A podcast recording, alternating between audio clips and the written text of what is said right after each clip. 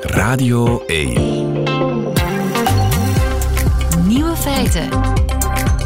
Met Lieven van den Houten.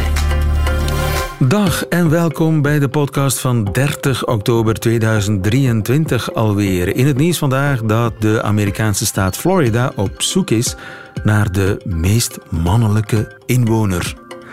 Volgend jaar in februari kunnen Floridaanse mannen meedoen aan de Florida Man Games. De organisatoren omschrijven die wedstrijd als de meest krankzinnige atletische krachtmeting ter wereld. Deelnemers zullen zich in verschillende disciplines moeten bewijzen, zoals bierbuikworstelen. En een hindernissenparcours waarbij je moet voorkomen dat je gearresteerd wordt door echte politieagenten. Waar kan ik mij inschrijven? De andere nieuwe feiten vandaag. De hoofdaanklager van het internationale strafhof trok naar de grens tussen Gaza en Egypte. Maar wat kan het strafhof doen? De spreeuwenzwermen zijn weer te zien s'avonds. Waarom botsen die beesten niet op elkaar? Verkiezingen in Nederland volgende maand. Elke partij heeft zijn eigen campagnelied. En waar Wallonië mee bezig is, dat hoort u van Christophe de Borsu. De nieuwe feiten van schrijver Tommy Wieringa, die hoort u in zijn middagjournaal. Veel plezier. Radio 1. Nieuwe feiten. Gisteren bezocht de aanklager van het internationaal strafhof de grens tussen Egypte en Gaza. Hij zei dat de internationale wetten gerespecteerd moeten worden door beide partijen in het conflict tussen Hamas en Israël. There should not be any impediment to humanitarian relief supplies going to children, to women and men, civilians. They are innocent. They have rights under international humanitarian law. Karim Khan, aanklager bij het internationale strafhof, die eist dat de internationale wetten gerespecteerd worden. Chris van de Wijngaard, goedemiddag. Goedemiddag. U bent uh, hoogleraar strafrecht en ook rechter bij datzelfde internationale strafhof. Voormalig rechter wel. Voormalig rechter. Ja, ja. Uh, u, u, ik ben er niet meer bij. Nu. U bent er niet meer bij. Kunt u vrij uitspreken of bent u nog altijd een beetje rechter? Wel, als internationaal rechter um, ja, moet ik toch met een zekere behoedzaamheid spreken, maar ik kan hier vrij uitspreken, dat is geen enkel probleem. Ik kan hier gewoon met um, genoegen vaststellen dat Karim Khan zich ter plaatse heeft begeven en dat het internationaal strafhof ook dit conflict gaat uh, opvolgen, hoe moeilijk het ook is. Hè. Het was al zo moeilijk met Oekraïne, nu komt dit ook nog. Um, ja. Maar ja, dat is de rol van het strafhof. En het strafhof mag dat gewoon, dat, is, dat valt binnen hun jurisdictie. Dat valt binnen hun jurisdictie. Ook al is Israël geen partij bij het statuut.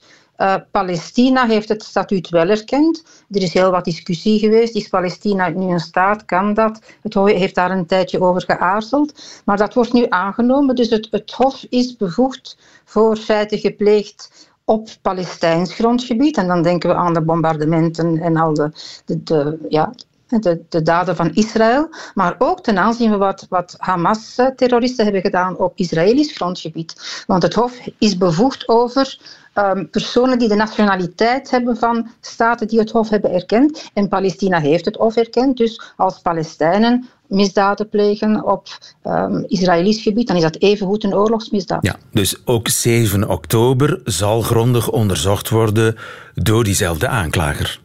Dat is inderdaad zo. En wat zouden de klachten kunnen zijn? Uh, is het afknijpen van de Gazastrook, het ontzeggen van water- en voedselhulp? Is, is dat een potentiële schending van het internationale strafrecht? Oh ja, we hebben er al de vorige dagen heel veel mensen naar de opsomming horen geven. Rudy Franks enkele keren, zeer correct al de, al de voorbeelden die hij aanhaalt van oorlogsmisdaden. Dus dat zijn potentiële oorlogsmisdaden, inderdaad. En stel nu dat het strafhof een van de partijen of beide partijen schuldig acht, uh, wat zijn daar dan de gevolgen van? Wel, zo'n strafhof, men mag daar ook niet te veel van verwachten. Hè. Er is geen rechtbank die een oorlog kan tegenhouden. Ook het internationaal gerechtshof, dat ook bevoegd is, hè, die hebben ook nooit een conflict kunnen tegenhouden. En zeker strafrechtbanken, die kunnen eigenlijk maar optreden na het conflict. Je ziet al de moeilijkheden die er zijn uh, met Oekraïne. En diezelfde moeilijkheden zijn er hier. Dus wat men nu kan doen, is bewijzen verzamelen. En dat is natuurlijk ook niet, niet gemakkelijk. is heel, heel moeilijk, ook omdat de toegang tot uh, Gaza is ontzegd. Dus ehm, ja, dat is wat men kan doen in afwachting van hopelijk ooit een, een einde aan dit conflict. Ja, maar aangezien Israël het strafhof niet erkent, hoeft Israël zich daar ook weinig van aan te trekken, als ik het zo cynisch mag zeggen.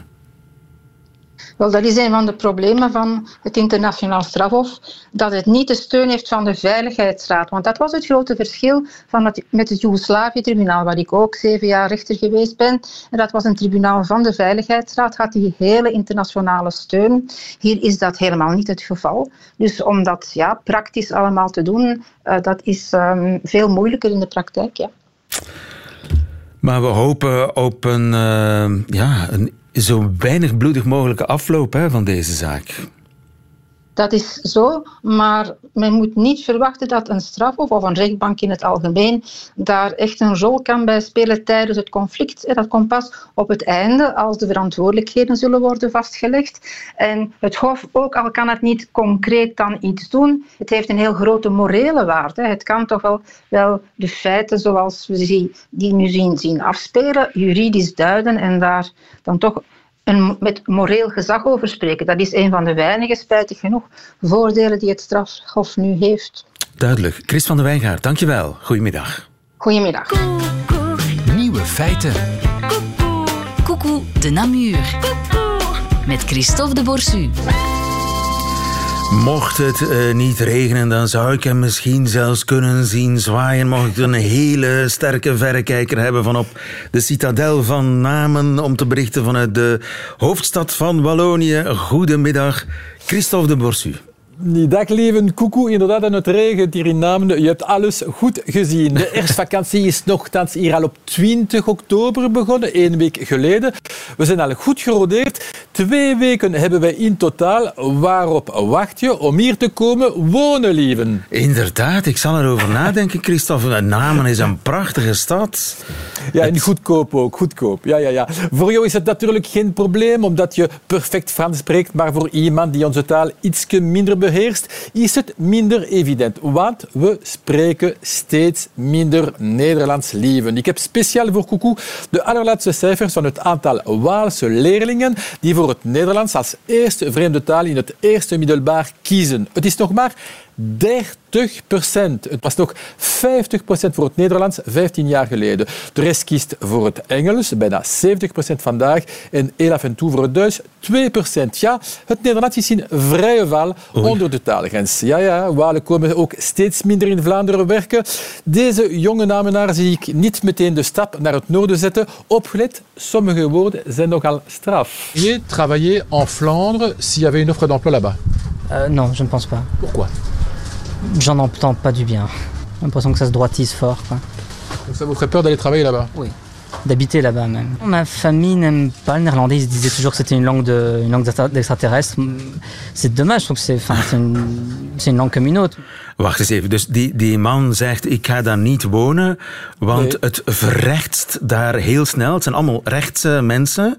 Ja, ja. En vervolgens uh, scheert hij het Nederlands uh, over één kam. Mensen die Nederlands spreken, want dat zijn buitenaardse wezens. Ja, ja, een taal van buitenaardse wezen. Ja, ja, sorry daarvoor, lieve. En toch zijn er voorbeeldige Walen die Nederlands spreken en die boeken, die boeken schrijven over Wallonië, zoals Thomas Dermine, federale staatssecretaris voor de PS. Juist, Walen ja. werken wel, Walen werken wel, is de titel van zijn boek. Hij werd zelf enorm veel, gelet op de 240 pagina's die hij na de werkuur heeft opgesteld. Dat mag ik tenminste hopen. Hij moet bovendien samen met zijn vrouw voor de twee jonge kinderen die ze hebben zorgen.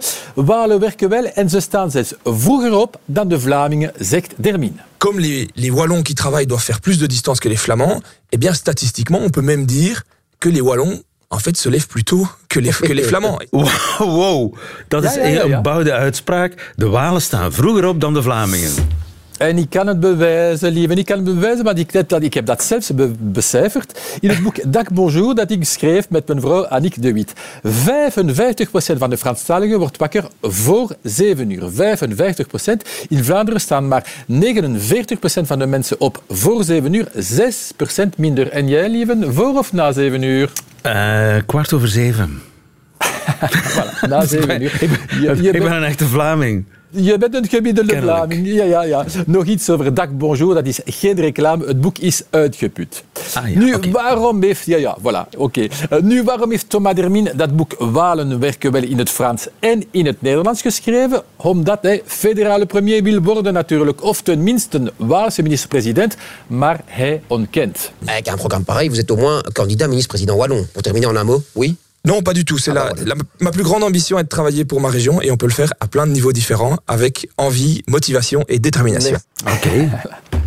Een echte politicus. Juist, ja. Eh, ja, ja, maar nee, nee. Nee, nee, maar ja, ja. Zoiets. Eh, nu, Christophe, ik heb eh, horen fluisteren dat eh, Yves Le Terme, oud-premier Yves Le Terme, jouw pad gekruist heeft. Dat klopt, lieve Yves Le Terme kwam naar mijn programma Les Puncheurs op RTL, maar hij wilde het absoluut niet hebben over dit onderwerp, namelijk zijn interview met mij in 2007 op de trap van de Sint-Michielskathedraal in Brussel. En eh, inderdaad, ja, een eh, herinnering die steeds pijnlijk is voor hem blijft, naar het schijnt. La Brabançonne, vous la connaissez Un peu, oui. Allez-y. Allons enfants de la patrie, le jour de gloire est... Vraiment la Brabançonne, ça. Pardon La Brabançonne, c'est vraiment ça. Oh, je sais pas. Je sais pas. Het is inderdaad een... ehm, ja, dat is geëtst in ons collectief geheugen, hè, die uitspraak.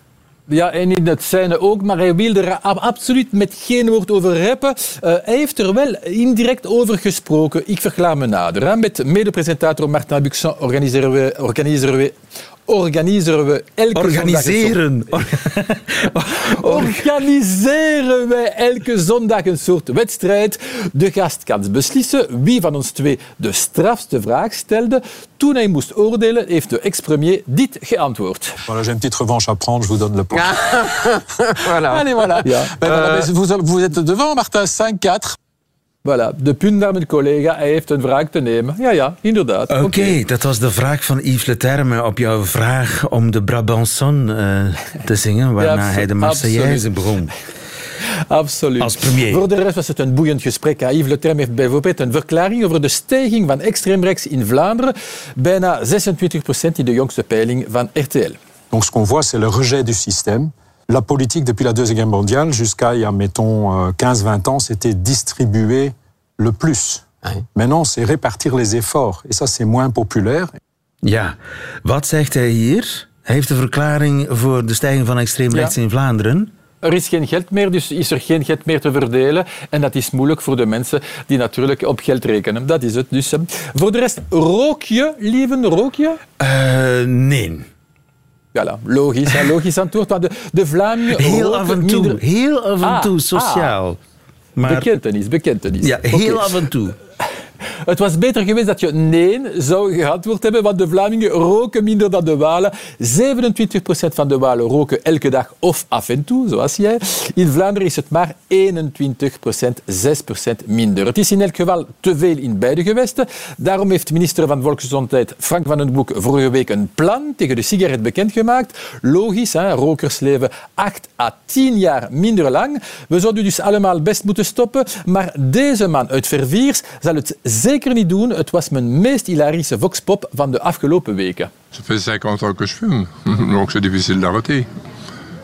En septembre, j'ai refait un infarctus. Euh, mon cardiologue m'a dit il faut arrêter de fumer. Il y avait même presque des patchs que j'ai jamais utilisés. Parce que bon, 50 ans, 50 ans de tabagisme, euh, c'est pas évident. hein.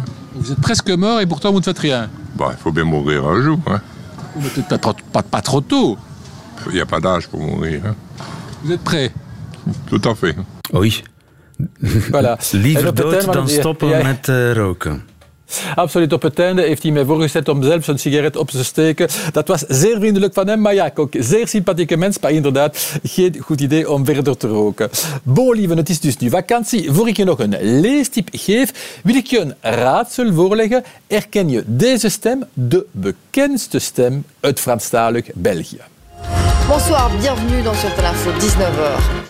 Nee, sorry. Ken ik niet. Voilà. Het spijt me Ja, zeer. dus de presentatrice van het RTL-nieuws. Uh, stam is Caroline Fontenoy. En Caroline Fontenoy heeft net een boek uit, La peur au ventre, buikvrees, vrij vertaald, over haar prematuurkind. Lou werd na 30 weken geboren, namelijk 10 weken te vroeg. Een zeer traumatische ervaring. Hier zijn de eerste woorden van het zorgpersoneel toen ze in de kraamkliniek aankwam. Madame Fontenoy, ici il s'agit de questions de, vita- de viabilité, euh, de vie ou de mort et de handicap. Et ça, c'est mes- mon premier contact avec la prématurité, qui est d'une vi- violence inouïe. Ja, vreselijk. Hoe gaat het met de baby? Ja, zeer goed. Hè. Dus Lou eh, is nu vier jaar en eh, het gaat perfect met haar. Geen enkel probleem, zoals men in het Frans zegt. Tout est bien qui finit bien in het Nederlands. En goed, altijd goed. De gouden tip van Caroline aan alle toekomstige moeders. Werk minder voor de geboorte. En het geldt ook voor de Vlaamse vrouwen, zegt ze. Ja, ja. Bon, lieve, koekoe uit Damen. En heel graag tot over drie weken. Waalse tips van eh, Christophe de Borsu. Dankjewel en tot over drie weken inderdaad.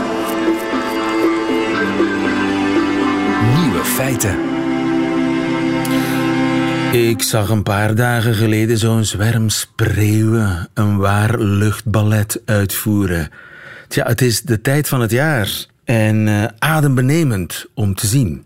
Het lijkt wel geregisseerd door eh, Alain Platel. Maar hoe werkt het dan wel? Is dat met telepathie misschien? Of vormen die spreeuwen een soort van collectief brein? Is het, heeft het te maken met een magnetisch veld? Ik zat maar te denken. En toen hoorde ik dat eh, professor Charlotte Hemelrijk dat allemaal heeft onderzocht. Goedemiddag, professor. Goedemiddag. U bent eh, theoretisch bioloog aan de Rijksuniversiteit in Groningen. U, u heeft dat een tijdje geleden grondig onderzocht. Hoe heeft u dat aangepakt? Ja, we hebben samengewerkt met natuurkundigen uit Rome. Die hebben in, op het dak van het station eh, met meerdere camera's foto's gemaakt, zodat ze de driedimensionale positie van een zwerm eh, kunnen berekenen van alle individuen in de zwerm. En wij hebben met computermodellen bekeken hoe ze het zouden kunnen doen. en die eh, natuurkundigen hebben laten zien dat de spreeuwen op zeven meest nabije buren letten. Dus ze letten slechts op zeven buren om te kijken of ze naar links of rechts willen gaan.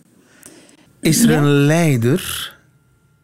Nee, er zijn geen leiders. Alle spreeuwen zijn zeg maar identiek en ze wisselen hun buren ook ja, per, per minuut totaal. En per 40 seconden hebben ze nog maar de- 40% over of zo.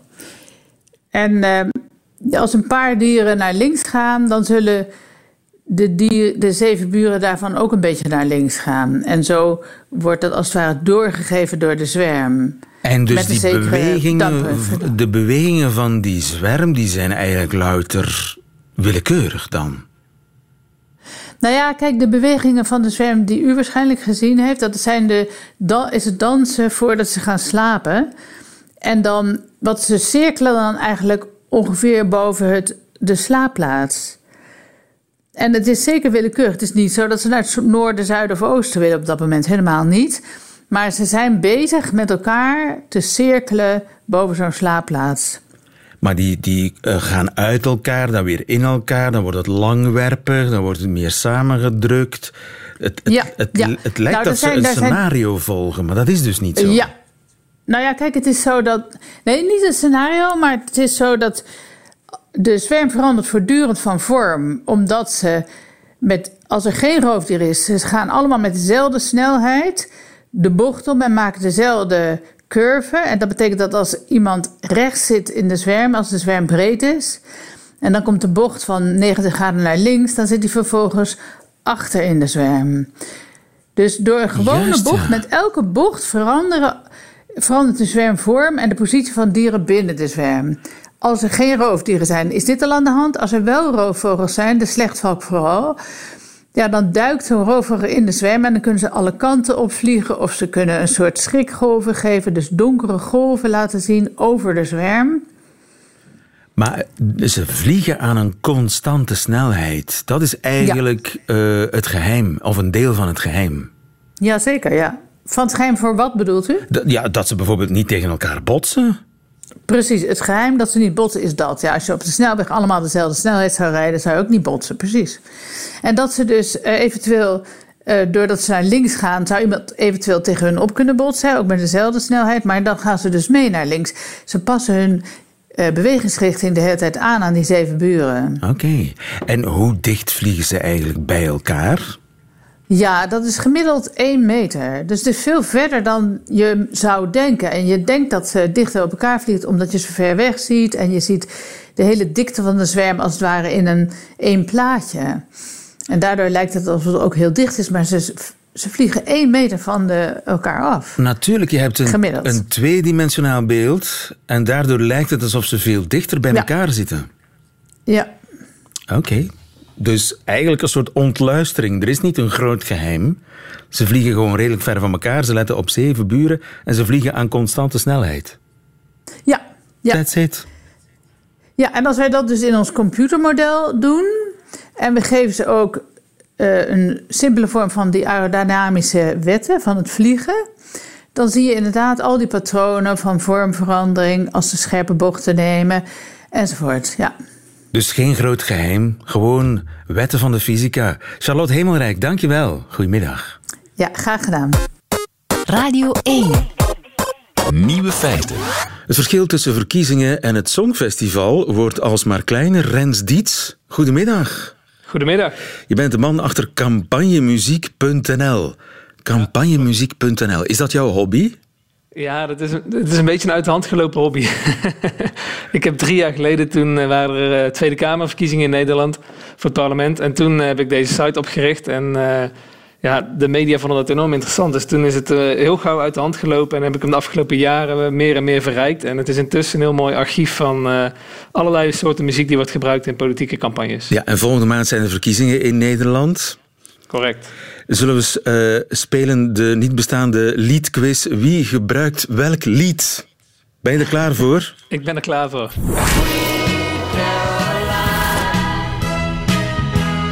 Good times never seem so good.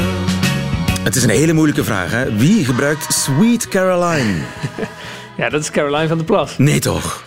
Wat trouwens wel heel grappig is, is dat Mark Rutte, die heeft dit nummer ook eerder gebruikt. Echt waar? Hij heeft, hij heeft een paar jaar geleden, toen had hij tijdens het slotdebat, had hij, eh, eh, kwam hij niet uit zijn woorden.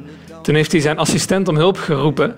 En die, zij heet ook Carolien. En toen had hij een dag later, toen had hij alsnog een goede verkiezingsuitslag. En toen werd hij in de zaal toegeroepen en toen werd dit nummer ingezet. Sweet Alleen, ja, Caroline, ja. Intussen hebben we Caroline van der Plas. En is iedereen het natuurlijk weer vergeten dat dit ook ooit assistent was van Mark Rutte. Het is een bittere herinnering geworden voor Mark Rutte. Twa tweede vraag.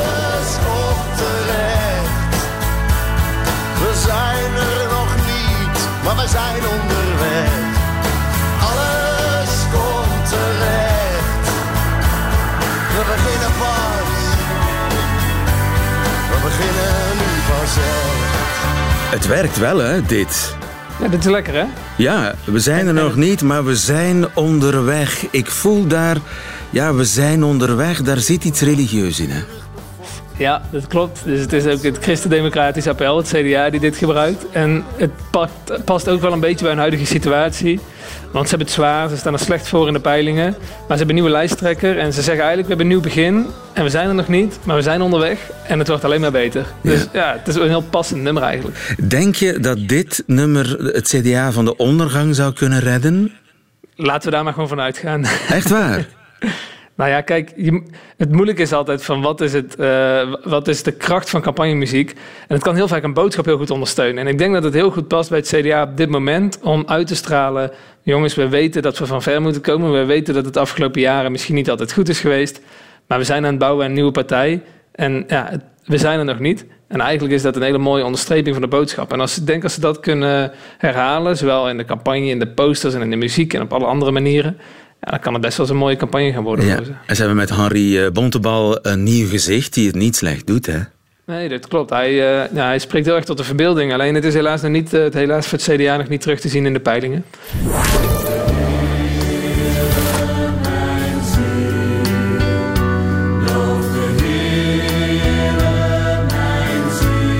Is dit echt een campagnelied?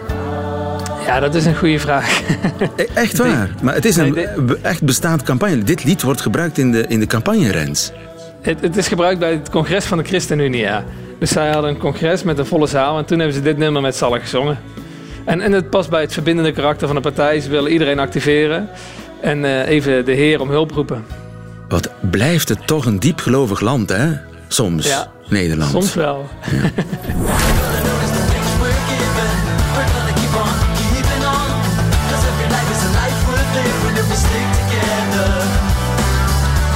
Dit vind ik moeilijk. We can't go wrong, stick together, rock and roll. Ja, Jeetje, ja, zou dit... Rebel. Ja, ik, ik zou ja, een beetje richting GroenLinks, D66 denken. Maar wat is het? Ja, het, het is de combinatie PvdA en GroenLinks. Die gaan samen En zij, gaan voor het eerst samen, ja. En eh, daarom hebben ze waarschijnlijk gezegd, eh, laten we een verbindend nummer, stick together. En eh, dit is eigenlijk gedraaid na de laatste speech van Frans Timmermans, de, de partijleider. En ik denk dat het vooral is bedoeld om eh, naar allebei de partijen, allebei de achterban uit te stralen. Jongens, even de schouders eronder. Samen zijn we sterker. En eh, daar past dit nummer bij. Ja, de kracht van muziek, hè. Even luisteren naar het campagnelied van Pieter Omtzigt. Ik hoor krekels. Ik hoor helemaal niets. Nee, Geen muziek voor Pieter Omtzigt. en nog niet althans. Dus eh, wellicht dat dit er nog aankomt. Want Pieter Omtzigt doet alles deze campagne eh, in fases. Hij heeft een nieuwe partij opgebouwd. Dus hij, ehm, hij heeft afgelopen week heeft hij pas zijn programma gepre- eh, gepresenteerd. En daarvoor heeft hij eigenlijk ook best wel lang gedaan om zijn kandidatenlijst. En om überhaupt te laten weten dat hij meedoet. Dus ik heb het gevoel dat dit misschien nog wel eens kan komen. Maar eh, ja, hij Het zou kunnen dat hij eh, absoluut kiest voor eh, het buitenbeentjes zijn. De, de, de, maar hij is eigenlijk het buitenbeentje dat het misschien wel helemaal maakt. Ja. Hij doet alles anders. Dus misschien Ja. ook daarom geen muziek. Nee, dat zou heel goed kunnen. Ik, we, we moeten het in de gaten houden. Maar vooralsnog inderdaad nog geen muziek, nee. Nu, de echte durvers, die doen het zelf. Hè? Moeten we dus begrijpen wat de achtergrond daarvan is. De Great Reset. Daarom luisteren ze ook helemaal niet naar onze argumenten. Interesseert ze niet. Want het gaat helemaal niet om argumenten. Het gaat om een hele andere agenda. Niet politiek correct, ik zeg wat ik wil als Baudet. What you gonna do about that? Een regering onder Rutte, never dat ik ze vertrouwd heb. Dingen zijn ironisch, want die feministen maken... Wat is dit voor iets, Rens? Ah, dit is een nummer tegen de cancelcultuur. Thierry Baudet is een, eh, die, die loopt er eigenlijk in voorop. En eh, dit is eigenlijk al van, van eerder dit jaar, dus al van, eigenlijk al van voor de verkiezingen. Maar toen heeft hij dit nummer is, is uitgebracht. En ehm, ja, eigenlijk tegen de cancelcultuur. En hij gebruikt zijn eigen stem, of hij ja, heeft zijn eigen stem cadeau gedaan aan die rapper die dat eh, gemaakt heeft, dat lied. Ja, de, de rapper die maakte inderdaad het nummer en hij onderstreept het eigenlijk. Hij ondersteunt het. Dus het is zijn... eh, eh, eigenlijk eh, laat hij zien van ik sta achter de boodschap. Maar hij, het is niet dat hij zelf rapt, zeg maar. Ja, maar het is wel Baudet een voeten uit, hè? Ja, absoluut. absoluut. En, dat, en dat is eigenlijk ook de kracht natuurlijk van campagnemuziek. Hè? Dus dat jij daarmee gewoon jouw eigen boodschap kan onderstrepen. En het liefst natuurlijk dat, je ook, nou, dat het zorgt voor extra bekendheid. Dat het echt je campagne ondersteunt. En ja, zowel in bekendheid als in de boodschap onderstrepen. Ja, als dat lukt, dan heb je een perfect nummer. Waar komt die traditie eigenlijk vandaan? Ja, ja, uiteindelijk komt natuurlijk alles uit Amerika.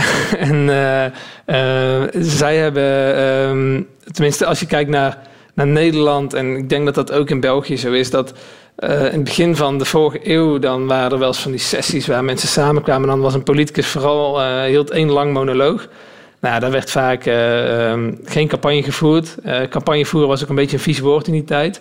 En eigenlijk in de jaren 30, vorige eeuw, toen eh, ehm, had Franklin Roosevelt, dit was eigenlijk de eerste die, het was midden in de Great Reset en hij wilde een hoopvolle boodschap, een beetje zoals Obama dat deed een aantal jaar geleden. En hij wilde laten zien, als jij hoop hebt op een goede toekomst, dan stem je op mij. En zijn hele campagne was op hoop gestoeld. En daar heeft hij dus ook een nummer bij gekozen wat daar perfect bij paste.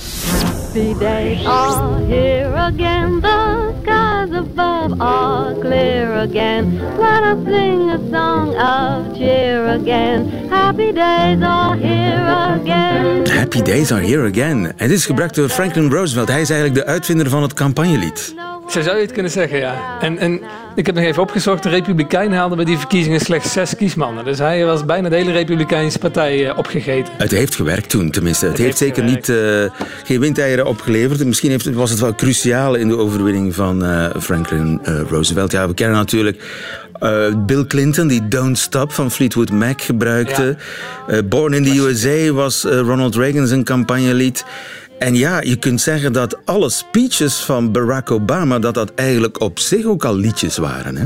It was a free written into the founding documents that declared the destiny of a nation. Yes, we can. It was whispered by slaves and abolitionists as they blazed the trail toward freedom. Yes, we can. Dat is merkwaardig, hè? Ja, het is heel merkwaardig, ja. Maar het is wel briljant, want iedere, iedereen die ochtends Spotify opzet en dit nummer hoort... die wordt continu weer die campagneboodschap van Obama. Ja, in campagnetijd werkt dat natuurlijk geweldig. Dus hij wist zo consistent dat Yes We Can te doen... in zijn eigen speeches, in de campagneuitingen en dus ook in de muziek. Ja, dat is heel sterk. Ja, en, en ook eh, zijn, zijn speeches waren eigenlijk liederen. Ja, Die waren zo op ritme gebouwd... Ja, dat dat je er net zo goed een lied van kon maken. Ja, klopt. Klopt. Dus Hey, dan nog heel even terugkomen op wat je net zei voor eh, Reagan, die Born in the USA gebruikte. Ja. Dat, eh, daar was Bruce Springsteen helemaal niet van gediend. Dat en hij zei, eh, hij zei tegen Reagan van dat, dat nummer is helemaal niet geen pro-Amerika nummer hoe jij dit probeert te claimen. Het is eigenlijk best wel kritisch. Ja. En hij zei trouwens, meneer Reagan, ik ben geen republikein, ik ben een democraat. Ja. En vanaf dat moment heeft, is hij ook muziek gaan verzorgen voor de, Republi- of voor de Democratische Partij. En dan zie je dus ook de, de risico's van campagnemuziek gebruiken. Artiesten zijn er niet altijd even blij mee en dan kan het ook best wel uit de bocht vliegen. Ja, zo is er ook iemand die ooit eh, Take a Chance on Me heeft willen gebruiken. Een van de kandidaten in Amerika, maar eh, dat, eh, dat is heel snel op een nee-tak gebotst vanuit Stockholm. Dus dat is die Mike Ja. Pence. Nee, het was niet Mike Pence. Wie was het ook alweer? Ik weet het Ik zoek het even op. Oh, ik zie hem zo voor mij. Volgens mij is hij onlangs gestorven. Eh, McCain. McCain was het. Oh, McCain, ja. Ik geloof dat het McCain was. Ja hoor, eh, McCain is dood. Oh, oké. Maar goed, eh, de- we dwalen af. Eh, McCain heeft het ook niet eh, mogen doen van de mensen van ABBA. In Vlaanderen, in België, is het campagnelied net iets minder eh, ingeburgerd. We hebben, ik heb dit bijvoorbeeld teruggevonden.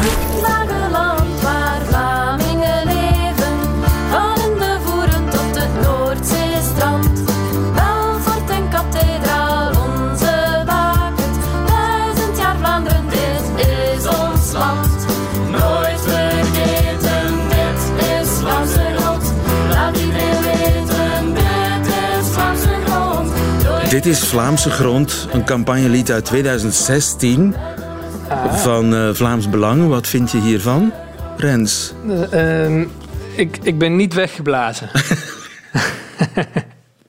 Oké, niet weggeblazen, dan ben je misschien wel weggeblazen hiervan. Gezond verstand en een open geest. Levenskwaliteit en af en toe een feest. Ja, zeker. Dan wordt alles beter. De eerste prijs voor moed, hè? denk ik toch wel, voor deze Christian Leijzen. Ja, alles beter. Steeds beter en dat eh, alles kan beter. Dat kunnen we misschien toepassen ook op dit lied. Dat zijn jouw woorden. De campagne is in volle gang in Nederland. Volgende maand verkiezingen. En ik ben benieuwd of het goede lied ook wint. Ja, daar ben ik ook benieuwd naar. En wat, wat je ziet, en dat, dat, nou, dat vind ik altijd wel mooi om te zien, als het er echt om gaat, als de verkiezingen belangrijk zijn, als het echt leeft bij het volk, dan zie je dat, de, dat alle campagneregisters worden opengetrokken en dan wordt er heel veel muziek gemaakt. Dus mocht er een keer bij jullie een campagne aankomen waarbij je echt heel veel op het spel staat, dan zal je vanzelf wel zien dat er veel muziek wordt gemaakt. Misschien wordt het eh, hoog tijd voor campagnemuziek.be. Of moet jij je, je werkgebied uitbreiden? Ja, precies. Nou, eh, als iemand interesse heeft, dan mag je dat zeker opzetten.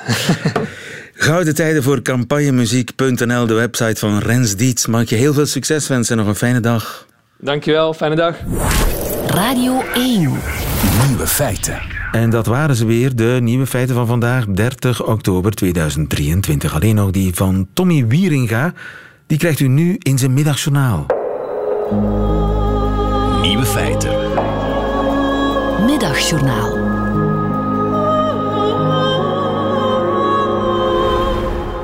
Totale oorlog.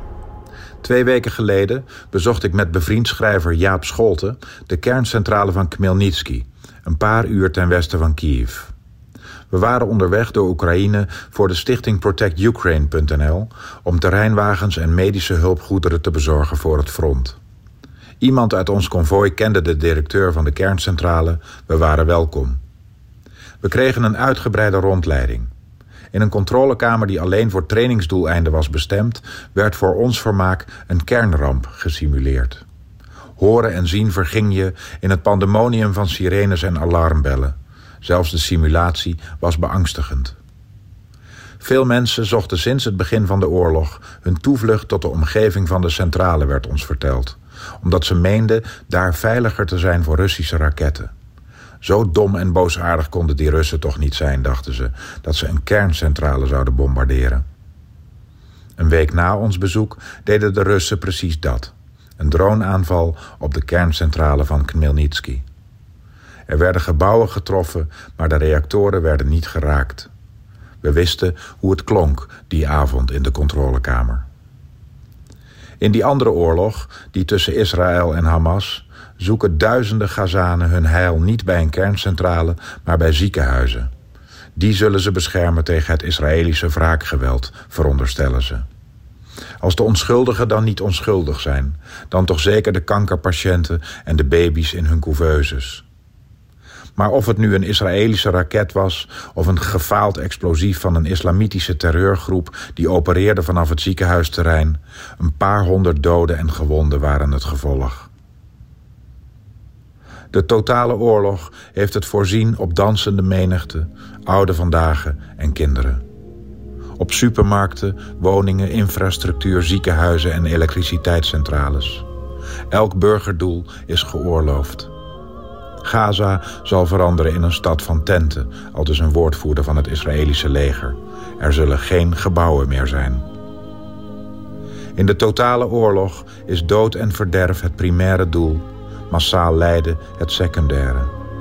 De nadruk, in de woorden van een Israëlische legerofficial, ligt op verwoesting, niet op precisie.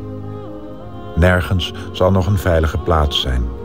Je huis is een tent in de betonwoestijn.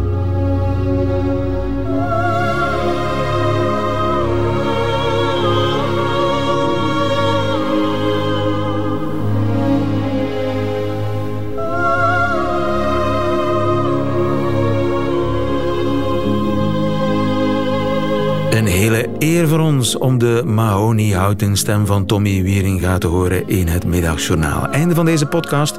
Hoort u liever de volledige nieuwe feiten met de muziek erbij? Dat kan natuurlijk elke werkdag tussen 12 en 1 via Radio 1. Tot een volgende keer.